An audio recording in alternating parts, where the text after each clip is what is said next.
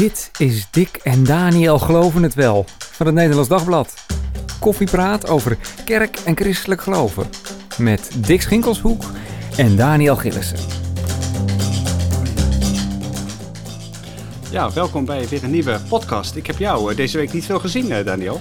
Nee, dus uh, zelfs op de schermpjes ontbrak ik nu. Hè? Ik was een paar dagen niet helemaal uh, fris. Maar je bent weer opgeknapt? Ik ben weer opgeknapt, testje Geen gedaan. corona? Geen corona gelukkig. Dus dat was een stressje minder. Gelukkig man. Hey, we hadden het vorige week over de app ChatPray. ChatPray, yeah. Een christelijke vervanger van WhatsApp. Waarmee je behalve kunt appen ook digitaal kunt bidden. Heb jij hem inmiddels geïnstalleerd? Nee, ik heb er maar van afgezien. Een vriend van me die waarschuwde me voor nou ja, dat ze heel de privacywet overtraden. Dus ik dacht, laat die maar beurt maar bij voorbij gaan. Ja, precies. Maar op zich, als je maar bidden, alles is bij de Heer bekend, toch? Dat is waar, maar dat, weet hij, dat kan hij ook wel zonder app, hè? toch? Ja, dat denk ik ook wel. Ik heb hem wel geïnstalleerd. ik heb inmiddels digitaal voor collega Judith gebeden. Heel die goed. heeft ook voor mij gebeden. En? ik heb er niet zo heel veel van gemerkt. Maar misschien kan dat nog, kan dat nog komen. Oh, mooi hoor.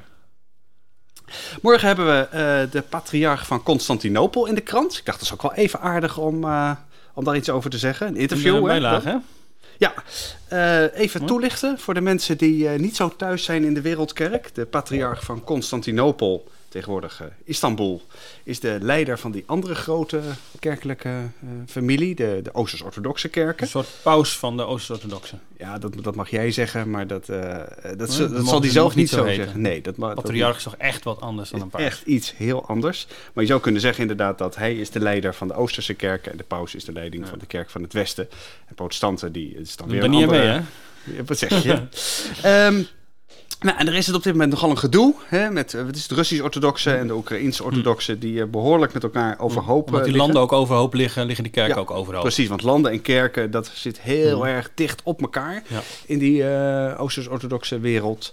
En het is heel bijzonder om hem uh, daarover te, te horen. Mm. En hij uh, is door Hendro geïnterviewd, Hendro ja. Munsterman? Hendro Munsterman, onze Vaticaanwatcher, die, uh, die heeft dat gedaan. Dat is weer een mooi uh, samenwerkingsproject met de andere Europese christelijke kranten. In dit geval Christliche, Christliche Dagblad uit Denemarken. Mijn Deens blijft wat roestig. Gewoon Christelijk Dagblad, hè? Christelijk Dagblad uit Denemarken en L'Avenir uit, uit Italië. Oh.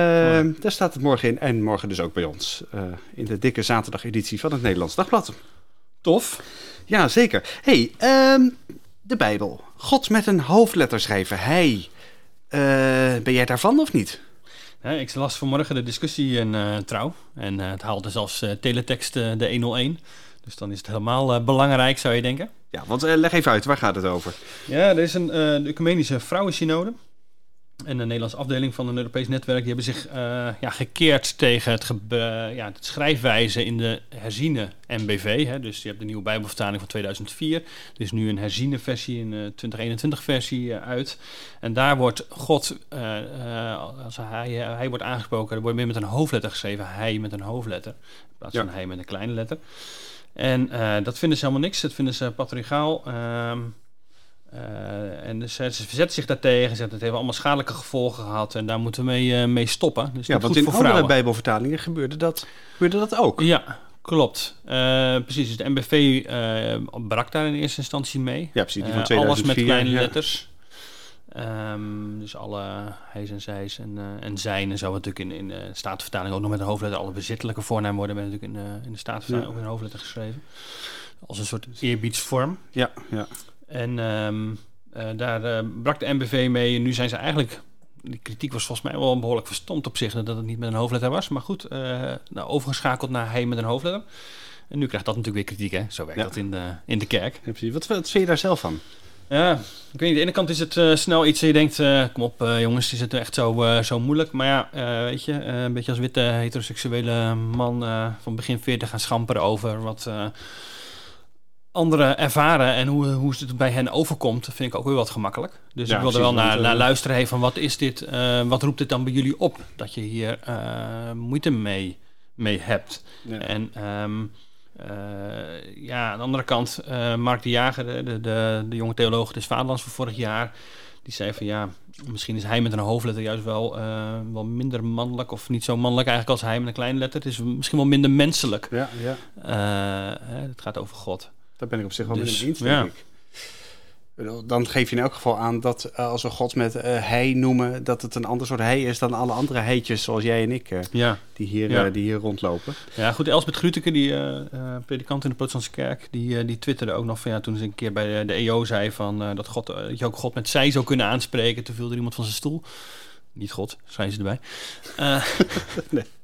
ehm, eh, dus ja, ik, weet je, dat is, eh, het is wel goed om ook te weten dat het, dat, het, dat het heel eenzijdig misschien ook kan zijn als je het puur als, als God als een man gaat voorstellen, zeg maar. Als Ja. dat het gevolg ervan is. Ook al openbaart God zich natuurlijk wel als, als vader in de Bijbel. Ja, Hoe kijk jij want tegenaan? daar- Kijk, ja, daar, daar haak ik natuurlijk op, op aan. Er zijn absoluut beelden van God Ja. als, als moeder. Eh, in, de, in de profeten in het Oude Testament bijvoorbeeld. Maar dat is eigenlijk, als je dat, als je dat bekijkt, bevinden die beelden zich echt aan de, aan de randen van de, van de openbaring. Zeg maar gewoon het grote, overheersende eh, beeld. Als er over God eh, gepraat wordt, is, is, dat zijn mannelijke beelden. God als, als vader, als, als man, als jaloerse echtgenoot, Hmm. als, als, als strijder. Ehm, eh, en ook, eh, kijk naar Jezus. Hè. Eh, Jezus heeft het ook voortdurend over God als zijn vader. En volgens mij hoeft dat helemaal niet te betekenen dat dan dus dat mannelijke, dat dat dan dichter bij God staat dan het vrouwelijke of zo. Nee. Dat God meer op mannen lijkt of mannen meer op God dan, dan vrouwen. Ik denk juist andersom. Ik denk dat het, het, het giftig mannelijke, zeg maar, hè, toxic masculinity, eh, dat dat enorm heftig onder kritiek komt te staan door het feit dat God zichzelf eh, in, eh, met mannelijke beelden, als, als, eh, dus met mannelijke vormen, eh, eh, openbaart in de, in de Bijbel. Hè, dus toch het beeld van een betrouwbare vader, Mm. van een echtgenoot die eh, niet zomaar... eh, Het goede voorbeeld eh, is er. Precies. En eh, Ja, wij mannen moeten, zo daar eigenlijk aan moeten voldoen. Precies, ja, die, ja. druk, die druk moeten voelen in plaats van eh, de gedachte van... eh, oké, zie ons eens dichter bij God staan. precies. Als, als, als ze zeggen dat God vader is, nou, dan mag jij eh, en ik mogen daar als vaders... Mm. dan kunnen wij nog een puntje aan zuigen. Ja. Dus misschien is het voor mannen juist wel veel vervelender of veel confronterender dat, dat de God van de Bijbel hoofdzakelijk in mannelijke, Ja. dat is met mannelijke beelden wordt, wordt geschetst. Ik kan me dat zomaar voorstellen hoor. Ja. En ik denk ook dat menige vrouw in de wereld ontzettend verlangt naar eh, dat mannen een beetje op de, eh, daarop lijken. Ja. En er zijn ook predikanten, als ik net van die eh, hij-zij afwisselen. Ja, kijk, het probleem is natuurlijk, we hebben niet echt een goed alternatief. Hè? Ja.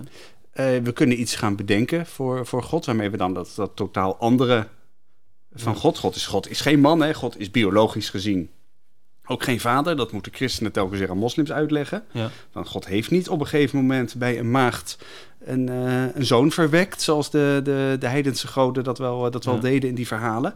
Eh, dat, dat, dat, dat zijn beelden, dat zijn manieren van zeggen. En waarschijnlijk is God nog veel meer vader dan dat wij eh, mannen, als we vader zijn, ooit vader kunnen zijn. Zij gebruikt het slechts om het ons enigszins duidelijk te maken, ons mensen, in de Ja. zin. Precies, onze, onze termen, onze, onze begrippen. Ja. En eh, ja, ik denk, de- en ik denk dat daar ook kritiek uit. Zoals hij geen Dat handen en voeten heeft, heeft hij ook niet een, is ook niet van mannelijk geslacht. In elk geval. Nee, precies. We hebben het over Gods hart en Gods nieren zelfs. Ja, daarvan denken we ook niet. Die zijn ergens. Dat is, dat is een beeld, dat is een manier van, Hmm. van zeggen. En ik denk dat het met God als vader dat dat wel iets dieper zit. Dat het een, eh, dieper is. Ik denk zelfs dat God, nou, dat zei ik net al, dat God misschien wel meer vader is dan dat wij Ja. dat ooit kunnen, kunnen zijn. Maar niet in die, eh, in die cultureel beperkte en ook eh, dus het zondige eh, vorm waarin mannen dat vaak geweest zijn. Maar het is toch ook arbitrair om hij met een hoofdletter of een kleine letter te schrijven op zich. Ik bedoel, dat maakt het niet zo heel veel uit. Juist omdat het Nee, ook in het de Hebreeuws grondtekst, bestaan geen nee. hoofdletters en kleine Hmm. letters. En de oude Griekse teksten zijn eigenlijk hoofdzakelijk in hoofdletters geschreven. Ja. Dus eh, we kunnen ook gewoon alles in hoofdletters schrijven. Dat zou, precies, dat zou een soort, eh, soort... Zoals je op Twitter wel eens ziet, dat iedereen alles in, in, in blokletters schrijft. Dan weet je dat hij heel boos is. Maar, Ja, precies. Schreeuwen is dat. ja. Tja. Ja. Hey, eh, over giftige mannelijkheid gesproken. Hè? Ja.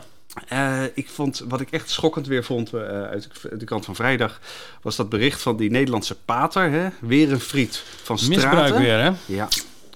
1973 geprobeerd om een, eh, een 20-jarige medewerkster te, te verkrachten. Hij is, hij is al lang overleden trouwens, hè? Straten, Eh, 2003. Dat is de oprichter van, eh, van Kerk in Nood, dus zeg maar de, de katholieke Open Doors. Hij komt op voor vervolgde christenen eh, wereldwijd. En eh, je denkt, nee. Wat heeft hij gedaan? Ja, Ja, precies. een. Oh ja, die, die, ver- die verkrachting zei. Ja. ja, ja, ja, ja. De poging tot, hè, was het? Ja, het is een poging tot. Eh, we weten natuurlijk niet precies hoe het, eh, hoe het zit, maar je denkt wel eens, oh nee, niet weer. Vooral omdat ook eh, gisteren het, het rapport is uitgekomen over die Ravi Zacharias, het evangelicale prediker, evangelist in de Verenigde Staten. Die, Ook al overleden, trouwens. Net, precies, net overleden. Die was net overleden. En toen kwamen er allemaal verhalen naar buiten van vrouwen die vertelden hoe die ze in sauna's had geprobeerd te, te betasten. Hoe die masturbeerde in het openbaar. Die echt een spoor van vernieling van aanranding eh, laat zien. En ik vraag me dan serieus af, hoe komt dat nou toch? En waarom is het ook altijd seks bij, eh, bij christelijke leiders? is en, het de eh, macht die eh corrumpeert op dat moment? Ja. Dat ze denken inderdaad dat ze dat kunnen maken?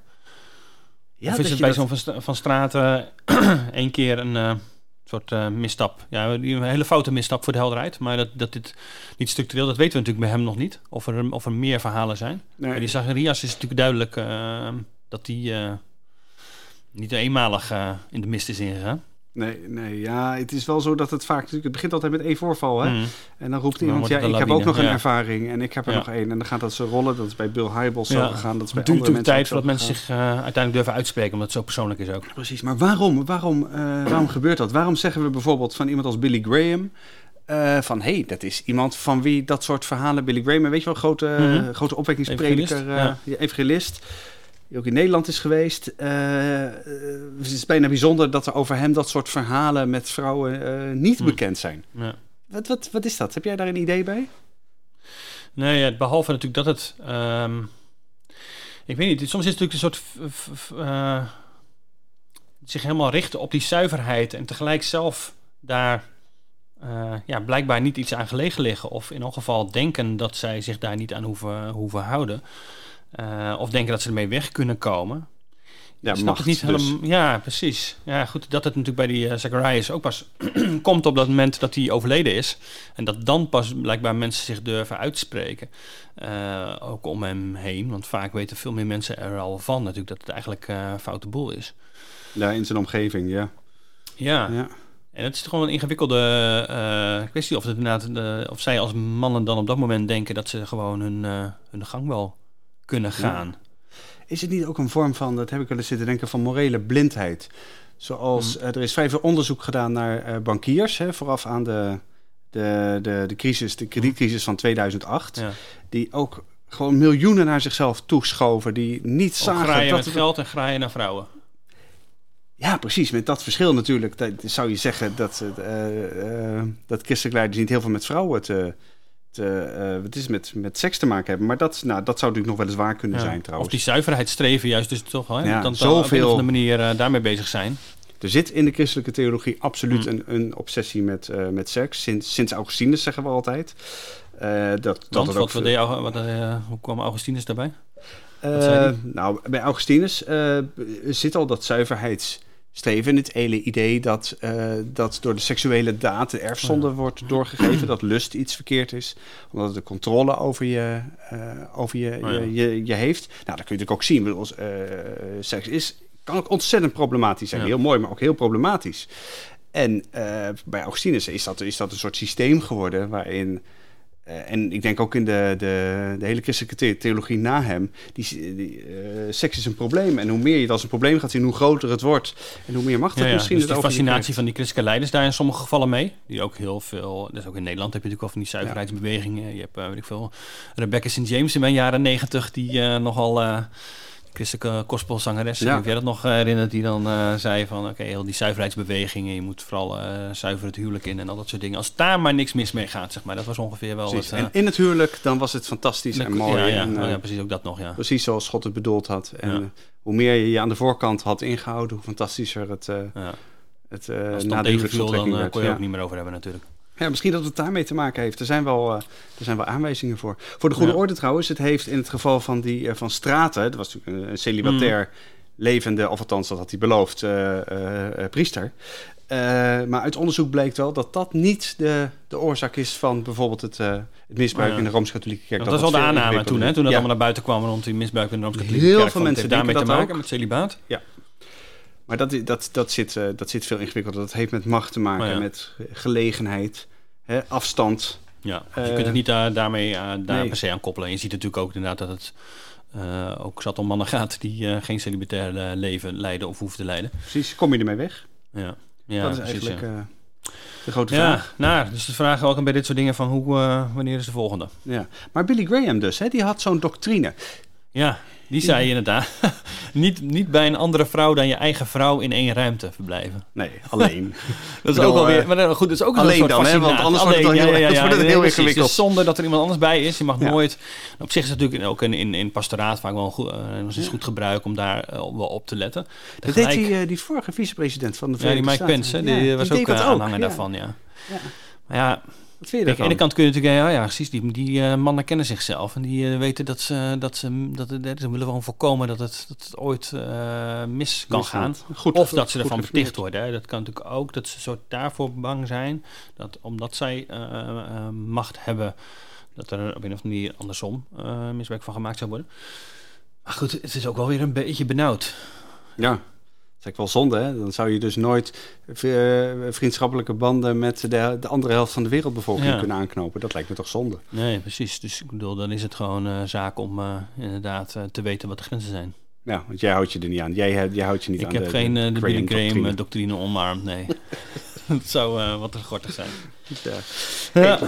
Jij hebt je eh, ontzettend geërgerd ook de, deze week. Eh naar aanleiding van het... Gisteren eh, nog maar eigenlijk. Gisteren nog maar. Van het, van het bericht over die brief van het christelijk gereformeerde dominees. Ja. Eerst maar even, wat, wat, wat, wat hebben ze geschreven? Wat is er aan de Ja, want het is niet inhoudelijk dat ik me daar zo aan erger, maar meer hoe de gang van zaken is. Maar ze hebben een, er zijn een groepje gereformeerde predikanten. De kerk is een kerkgenootschap van zo'n 70.000 leden. Eh, het heeft wel, heeft wel een bepaalde breedte in zich. Het is een orthodox kerkgenootschap op zich, maar Ja. er zit een echt een eh, rechter, een beetje echt een reformatorische, stevig reformatorische eh rechterflank, om het even zo te noemen. En links die meer, nou ja, wat meer op vrijgemaakte lijkt, vrouw in het ambt wil, homoseksuelen aan het avondmaal enzovoort. Terwijl dat voor de andere kant is dat absoluut taboe. Mag niet. En ze houden elkaar nogal eh, in de greep, zijn er ook al jarenlang mee bezig. Ja, precies, Over- dit speelt al, Eerder eh, over invoering ook van de MBV en over allerlei andere dingen. Elke keer is er gesteggel eigenlijk tussen deze twee groepen. En ehm, nu hadden zij een, ehm, een brief eh, naar nou ja, alle collega-predikanten gestuurd. Ja, Waar ze- de, linkerflank hè, hebben we de- het, ja, uit die linkerflank, over, klein groepje, man of vijf. En die zeiden van, hey, een beetje een pregnante zin is dat ze, nee, ze zien dat die eenheid onder druk staat in de christelijke kerk. En ze zijn ernstig bezorgd dat de huidige spanningen tot een scheuring leiden. Dus ze zijn bang dat de boel uit elkaar valt. Het is niet zo ondenkbeeldig, toch? niet ondenkbeeldig, inderdaad. Want je ziet nu dat de linkerflank, als het dus om die dingen als vrouw in het ambt gaat, toch wat meer de eigen weg kiest. En denkt, ja, het is allemaal leuk en aardig dat dat landelijk nog niet mag. Maar wij gaan het doen. Ja. En nu vragen ze eigenlijk in die brief, waarvan ze nu dus ondertekenaars zoeken, Ja. eh, geef ons een beetje vrijheid in de exegese van de Bijbel. Eh, dus vrijheid eigenlijk om Ja. op bepaalde vlakken dat in te vullen. Ik vind dat persoonlijk wel mooi. Dus waar, waar, waar ben je dan zo boos om? Ja, dat heeft meer de gang van zaken eromheen te maken. Maar je vertel, kreeg- geef even een, ik kreeg deze van brief, ja, ik kreeg deze brief van een, eh, van een predikant binnen de Christelijke Kerk die ik, ehm, die ik ken, die mij nog wel eens tipt. En eh, eh, kreeg die toegespeeld, of die vroeg eigenlijk eerst, heb je die brief al? Zei, Ja. nou, eh, nog niet. Zo, zo gaat dat vaker, hè? Ja, dat, precies. En dat, dat we werkt- dingen toegespeeld krijgen. Precies, Ja. het werkt een beetje soms zoals je in de politiek Den Haag, dan zie je dat ook wel gebeuren. Hè? En dan leggen ook de journalisten wel eens uit hoe gaat het. Je krijgt tips, je ziet iets bij de, onder het kopieerapparaat liggen, dat soort dingen. En er zijn altijd, hè, de, de OMT-advies lekt uit. Nou ja, dat is in de kerk natuurlijk gebeurt dat ook. Alleen de kerk kan daar iets minder goed mee omgaan meestal. Dat bleek bij deze dominees. Eh, Precies, want die flipte dat wij die brief hadden. Eh, het was vertrouwelijk rondgestuurd. Ja, naar 300 plus predikanten. Kom op. Ehm, en nou ja, vonden absoluut dat wij daar niet over konden publiceren. Maar ja, weet je, eh, dit is wat er gebeurt. Het laat iets zien over hoe het in de christelijke kerken werkt en welke discussies er gaande zijn. En Ja. dat is voor onze journalisten belangrijk om dat ook te laten zien, Precies, te want je- leggen. Want je kunt natuurlijk gewoon zeggen, waarom, waarom wachten we niet, eh, niet nog even totdat ze officieel met die brief naar buiten komen? Ja, Dat is heel maar- chic. Dat is heel chic, maar is niet heel journalistiek. Eh, want je moet duidelijk ook die patronen die erachter liggen eh, helder maken. Dit is een groep die probeert nu daar steun voor te krijgen. Het roept meteen al weerstand op. Er wordt over gediscussieerd. Je kunt niet zeggen van ja, wij, wij sturen dat rond en vooral als wij uitgediscussieerd zijn, dan mogen jullie erover schrijven. Ja, doei. Wij zijn daar gewoon bij op het moment dat we erbij kunnen zijn. En daarvan uh, van horen en brengen dat in kaart. En dan krijg je ook dat, natuurlijk dat daar, uh, dat daar reactie op komt. En ik snap wel dat ze het liefst allemaal een beetje dat zo willen afhandelen. Maar zo werkt het gewoon in de kerk. Ook in de kerk niet. Nee. nee. En, um, dus daar kwam ook al meteen uh, tegenreactie op. Precies, van, die, um, van die andere. Dat is dan ja, de, die reformatorische bewaar het pand. Bewaar het hoe pand is dat? Die, ja. ja. Die uh, zijn meteen uh, uh, ja, daar vrij stevig gaan die erin. Die roepen van we moeten dit, dit, dit kan absoluut niet. Trek, dit, trek deze oproep in of deze hele brief in. En ja, die zeggen het gaat tegen, tegen schrift en beleidenis ja. in. Hè? Dat is wat hun, hun kernargument dan altijd is. Wat anderen zeggen, ja, dat is voor ons ook heel belangrijk. Schrift en beleidenis, dat gaat helemaal niks. Maar wij lezen die schrift anders, Anders. en wij interpreteren die beleidenis Precies. Anders. Ja. Ja. Maar wat is dan de moeite van die rechtervleugel om te zeggen... Bedoel, ze Ja. worden zelf nergens toe gedwongen. nee, ze precies. kunnen het doen en interpreteren Nee. zoals ze het zelf willen. Nee, dat is fascinerend altijd. Uh, want dat, dat zeggen natuurlijk die, de linkerflank. Zegt, laat ons gewoon vrouwen in het ambt. Dat jullie het niet doen, prima. Ja.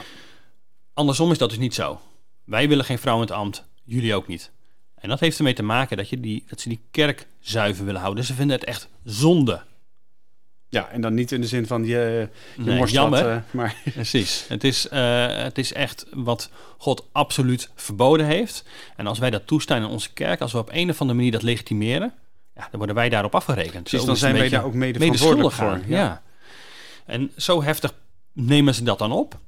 En daarmee houden ze natuurlijk de anderen weer in hun greep. Maar voor hen is het net zo belangrijk. Die zeggen, ja, uh, kom op.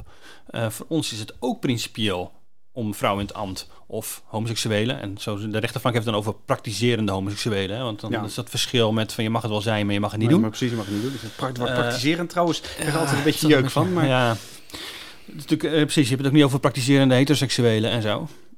Meestal niet tenminste. Uh, nee, toch? Ja. is lang geleden, Dat is- ja. Dat is, daarom is het altijd wel een beetje maf, dit soort taalgebruik. Maar goed, eh, dat is het onderscheid wat zij dan in elk geval willen, willen maken. En, en ja, dat voor ons ook principieel. Dat deze eh, mensen eh, met een relatie, eh homo's met een relatie, gewoon helemaal meedoen. Ja. Of dat vrouwen ook de mogelijkheid hebben om, eh, om in het ambt... Precies, dit is Eh, volgens ons, volgens de schrift en, eh Precies. en beleidnis. En daarom gaan ze hier niet uitkomen. En als ze dat... Dus is even de vraag van... eh, trekt links dit? Dan denken ze, oké, Ja. we, we dimmen weer een beetje. Of eh, valt het uit elkaar? Ja, want ik denk was van waarom, waarom scheuren ze niet gewoon? Eh, dat, Ja. Daar is natuurlijk best iets voor te zeggen. Ik bedoel, is dit niet eh, een ontzettend eh, een huwelijk dat al zo slecht is en dat het al zo lang allerlei problemen met zich meesleept, waar vooral Ja. de kinderen zeg maar onder, onder, onder lijden. En natuurlijk, weet je, iedere kerkscheuring is er één te veel. Dat is vreselijk, is, is een klap in het gezicht van de Heer. Ehm, maar kun je niet ook gewoon zeggen dat er een soort herverkaveling op zijn plek is? Zou best En, kunnen eh, natuurlijk, hè, want dat rechterdeel van een christelijk geformeerde kan prima samen met herstelte Ja. vorm. Er werken al heel veel samen. Je kunt eh, dat linkerdeel eh, kan samen met de, vrijgemaakte en de geformeerden zijn aan het samengaan. Dus die kunnen daar prima mee bij elkaar. Dus op die manier kun je voorkomen dat, het, dat, het, ehm, eh, dat er echt nieuwe kerken moeten ontstaan. Maar goed, dat is... maar dat zullen ze niet zo snel doen. Nee, ja, ze bestaan natuurlijk al heel lang, hebben allemaal geen... eh, dat snap ik ook wel, maar ja, dan is de vraag, geef je elkaar de ruimte of geef je die niet? En Ja. tot nu toe lijkt die er niet echt te zijn. Dus, nee, eh, want daar dat komt het dan telkens op neer, hè, weer. Dat was vorige week ook al zo, toen we het over die hele discussie over zegenen hadden. Hè. Wat, is de, wat is de kern en waarin laat je elkaar vrij? Ja. Kun je omgaan met verschillen? Wil je alles controleren? Of eh, eh, kun je dingen waarvan jij gewoon zelf zegt... nou, dat hoeft van mij niet, of sterker nog, daar ben ik heel erg op tegen... kun je dat toch de ruimte geven eh, eh, in de kerk? Ja, en dat is, dat is dan toch blijkbaar lastig om dat te doen. Je ziet in de protestantse kerk natuurlijk dat het behoorlijk kan. Maar dan Ja. gaat het ook weer een hele breedte op. En uiteindelijk zit er ergens wel grenzen aan natuurlijk. Dus je met een dominee die niet geloofde, boeddhistische dominee Ja, enzovoort. het houdt ergens Dus op een op. gegeven moment zeggen, oké, als je echt dat fundament eh, van drie ene God bijvoorbeeld Ja. en van Jezus Christus, als je dat niet meer gelooft of terzijde schuift, nou ja, dat is wel de grens. Maar deze groep zegt, dus die, die bewaar het pand, Ja. die zware groep zeg maar even, die zegt dat is dus te smal. Ja. We hebben gewoon meer woorden nodig om dat uit te leggen van wat er wie er wel en niet bij hoort. Ja. En daardoor valt, nou ja, vrouw in het ambt is, is over, eh, over de top. Ik wil er trouwens wel even iets nog over zeggen. Want wat ik dan vaak merk is bijvoorbeeld in, de, in discussie met, eh, met behoudende eh, gelovigen. Dat dan eh, verschillen kunnen laten bestaan. Dat dat dan vaak een vorm van verwatering is of van gemakzucht. Hè? Van joh, jij, jij Ja. jouw ding, ik mijn ding. Maar ik moet eerlijk Hellend zeggen... vlak, hè? Hellend vlak, precies. Eh, daar moeten we het sowieso nog eens een keer apart over hebben. Want ik heb echt een bloedhekel aan die uitdrukking. Ehm, maar ik vind het ook principieel iets. Volgens mij is het ook echt iets christelijks om verschillen te kunnen laten eh, bestaan. Zeg ik als eh pikken en theoloog misschien. Maar ik moet dan altijd heel erg denken aan uh, Matthäus 13. De gelijkenis van het graan en het onkruid. Hè, dat eh, Mhm. bijbelkennis. Ja, ja. Hij daagt. Precies, hij daagde. Die vijand die, die s'nachts dat onkruid tussen het graan Mhm. zaait. En eh, ik vind dan eerlijk gezegd dat sommige gereformeerden wel eens een beetje lijken op eh, de knechten van die boer die dan roepen de volgende morgen hè, van oh erg, wat erg, er schiet allemaal onkruid op tussen het graan. We Hè? plukken dat er wel even Ja, tussenuit. precies, moeten we dat doen? Waarop die heer zegt, nee, nee, nee, nee, dat mag niet, want dan trek je misschien het koren ermee uit. Blijkbaar is het voor ons mensen heel erg moeilijk om te zien op het moment dat alles nog groeit, hè, Ja. wat kaf is, wat, wat onkruid is en wat koren is, wat, wat, wat graan is. En eh, die gelijkenis van Jezus eindigt er dan mee dat uiteindelijk eh, pas aan het eind, dus aan het eind van de, van de tijden, van de geschiedenis, duidelijk zal zijn wat nou goed was en wat nou fout is. Mm. En het is eigenlijk een oproep aan ons om eh, ook een beetje geduld te betrachten en bescheidenheid en mildheid. Ja, maar dat En zijn niet even die grote woorden te echt. gebruiken. Ja, maar je zou denken dat hebben ze in de kerk nog niet helemaal altijd even goed begrepen. Nee, nou ja, goed. Dat is, eh, mis- misschien past ons het oordeel ook niet eh, wat dat Nee, betreft. geldt dat bij ons ook, hè? Moeten wij nu ook zwijgen? Ja, zeker. We zouden meer moeten zwijgen en toch praten we gewoon door. Over zwijgen gesproken, of niet zwijgen vooral. Die Franse minister eh, hebben we ook over geschreven. Hè? Van, ja. Die nogal uithaalde naar moslims en naar evangelische. Wat was daar... Gérald aan de eh, hand? Darma, Darmanin, in mijn, mijn Frans Ja. eh, eh, uitspraak is altijd eh Gérald Darmanin. De Franse minister van Binnenlandse Zaken, die heeft geroepen Mhm. dat evangelische christenen een serieus probleem zijn voor de Franse samenleving. ja. Want, kijk, weet je, het is natuurlijk ontzettend spannend op dit moment in, in Frankrijk. Hè? Dus na de onthoofding van die, van die leraar. Ja, van Paty. Samuel Ja, Paty. die, die, die cartoons van Mohammed liet zien. Mhm. Eh, in, de, in, de, in de les zoekt die, zoekt die Franse overheid wanhopig naar manieren om, eh, om iedereen binnenboord te houden. Allerlei trekken van mensen, van religieuze groepen in de Franse samenleving, die zich eigenlijk geen bal aantrekken van, van die Franse samenleving, Mhm. om, die, eh, om die te kunnen verbieden, om dat te kunnen bestrijden, om weer de Ja. eenheid te kunnen herstellen. Maar geen bal aantrekken, even voor de helderheid. Dat geldt niet voor alle moslims, dat geldt niet voor alle evangelische. Nee. Dat gaat voor een heel klein groepje, wellicht, die inderdaad echt eh, nou ja, de staat wil ondergraven of eh, daar ook Precies, geweld en voor be- bereid is. dat En zit daar gaat het mis. Precies, dus om dat kleine groepje, wat misschien inderdaad in, in, vooral met name in de moslimhoek zit, om die te bestrijden, pakken ze breed religie aan in Frankrijk. En die Ja. strikte scheiding kerk en staat daar. Ja, nee, nou ja, precies. Daar die komt daardoor eigenlijk eh, die, eh, die scheiding die net zo zegenrijk is voor religie als voor de staat wellicht, dat ze zich niet te veel met elkaar bemoeien Ja. en elkaar vrij Gaat de laten. staat zich toch bemoeien met de Gaat de religie? staat zich toch bemoeien met de Oh, religie? ja. Volgens mij ja. is dat, ondanks alle, eh, alle problemen die er echt serieus zijn in Frankrijk, Mhm. is, dat, is dat een probleem. Want een staat die zich gaat bemoeien met wat burgers geloven en niet geloven, dat wordt zomaar een ontzettend vervelende overheid. Religiestress we dat een paar jaar geleden. hè? Ja, precies. Ja, volgens mij is dat, is dat steeds- ja, het is er nog steeds. En dat zit hem ergens in het idee van, ja, we, we dachten natuurlijk ooit eh, in de liberale eh, wereld dat geloof vanzelf zou verdwijnen. Hè? Dat we allemaal dezelfde progressieve waarden zouden omarmen. Toen kwamen de moslims eh, en toen Precies, en toen bleken die die christenen ook nog... opeens eh, precies te leven. Ja, dat bleek allemaal wat, wat hardnekkiger te zijn Ja. dan eh, misschien wel gehoopt. ja, En op een of andere manier, het gaat natuurlijk weer over omgaan met verschillen, ehm, moeten daar liberale samenlevingen zoals je die in West-Europa ziet, moeten daar mee, mee, om leren gaan. Ja. Hetzelfde geldt, trouw- geldt trouwens voor Denemarken,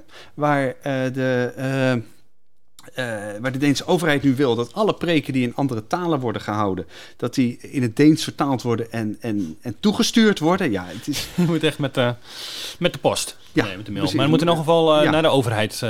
nou, volgens mij, dit wordt, dit wordt echt een hele spannende, Ja. dit zijn hele spannende ontwikkelingen. dus beheersen eigenlijk van de, Ja. van, van, van de religieuze gemeenschappen. Ja, precies. Nou, en volgens, Ja. mij, eh, vol- eh, volgens mij is dat iets waar je serieus zorgen over, eh, Ja. over moet maken wat daar gebeurt. gaan we volgen. Blijven we op de voet volgen. Jij hebt nog iets ehm, kleins leuks? Ja, in die Tot hele eh, zegendiscussie waar we het ook vorige week over hadden, hè, naar aanleiding van die nieuwjaarszegen van Theoloog des Vaderlands Albertine Lene.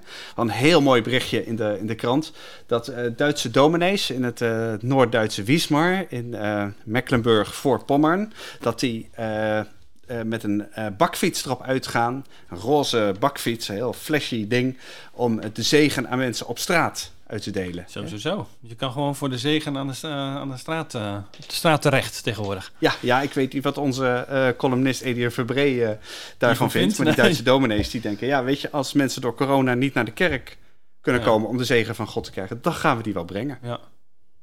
Dat zou ze met Askruisje ook kunnen doen komende woensdag.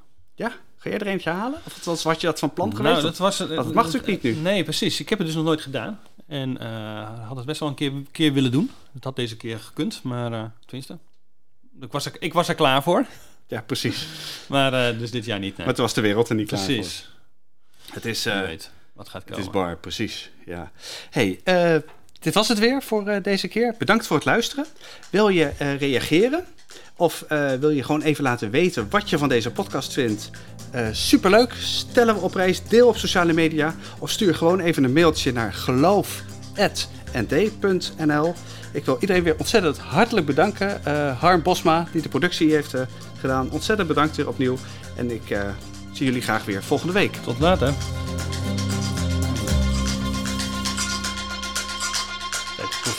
Zo, koffie? Ja.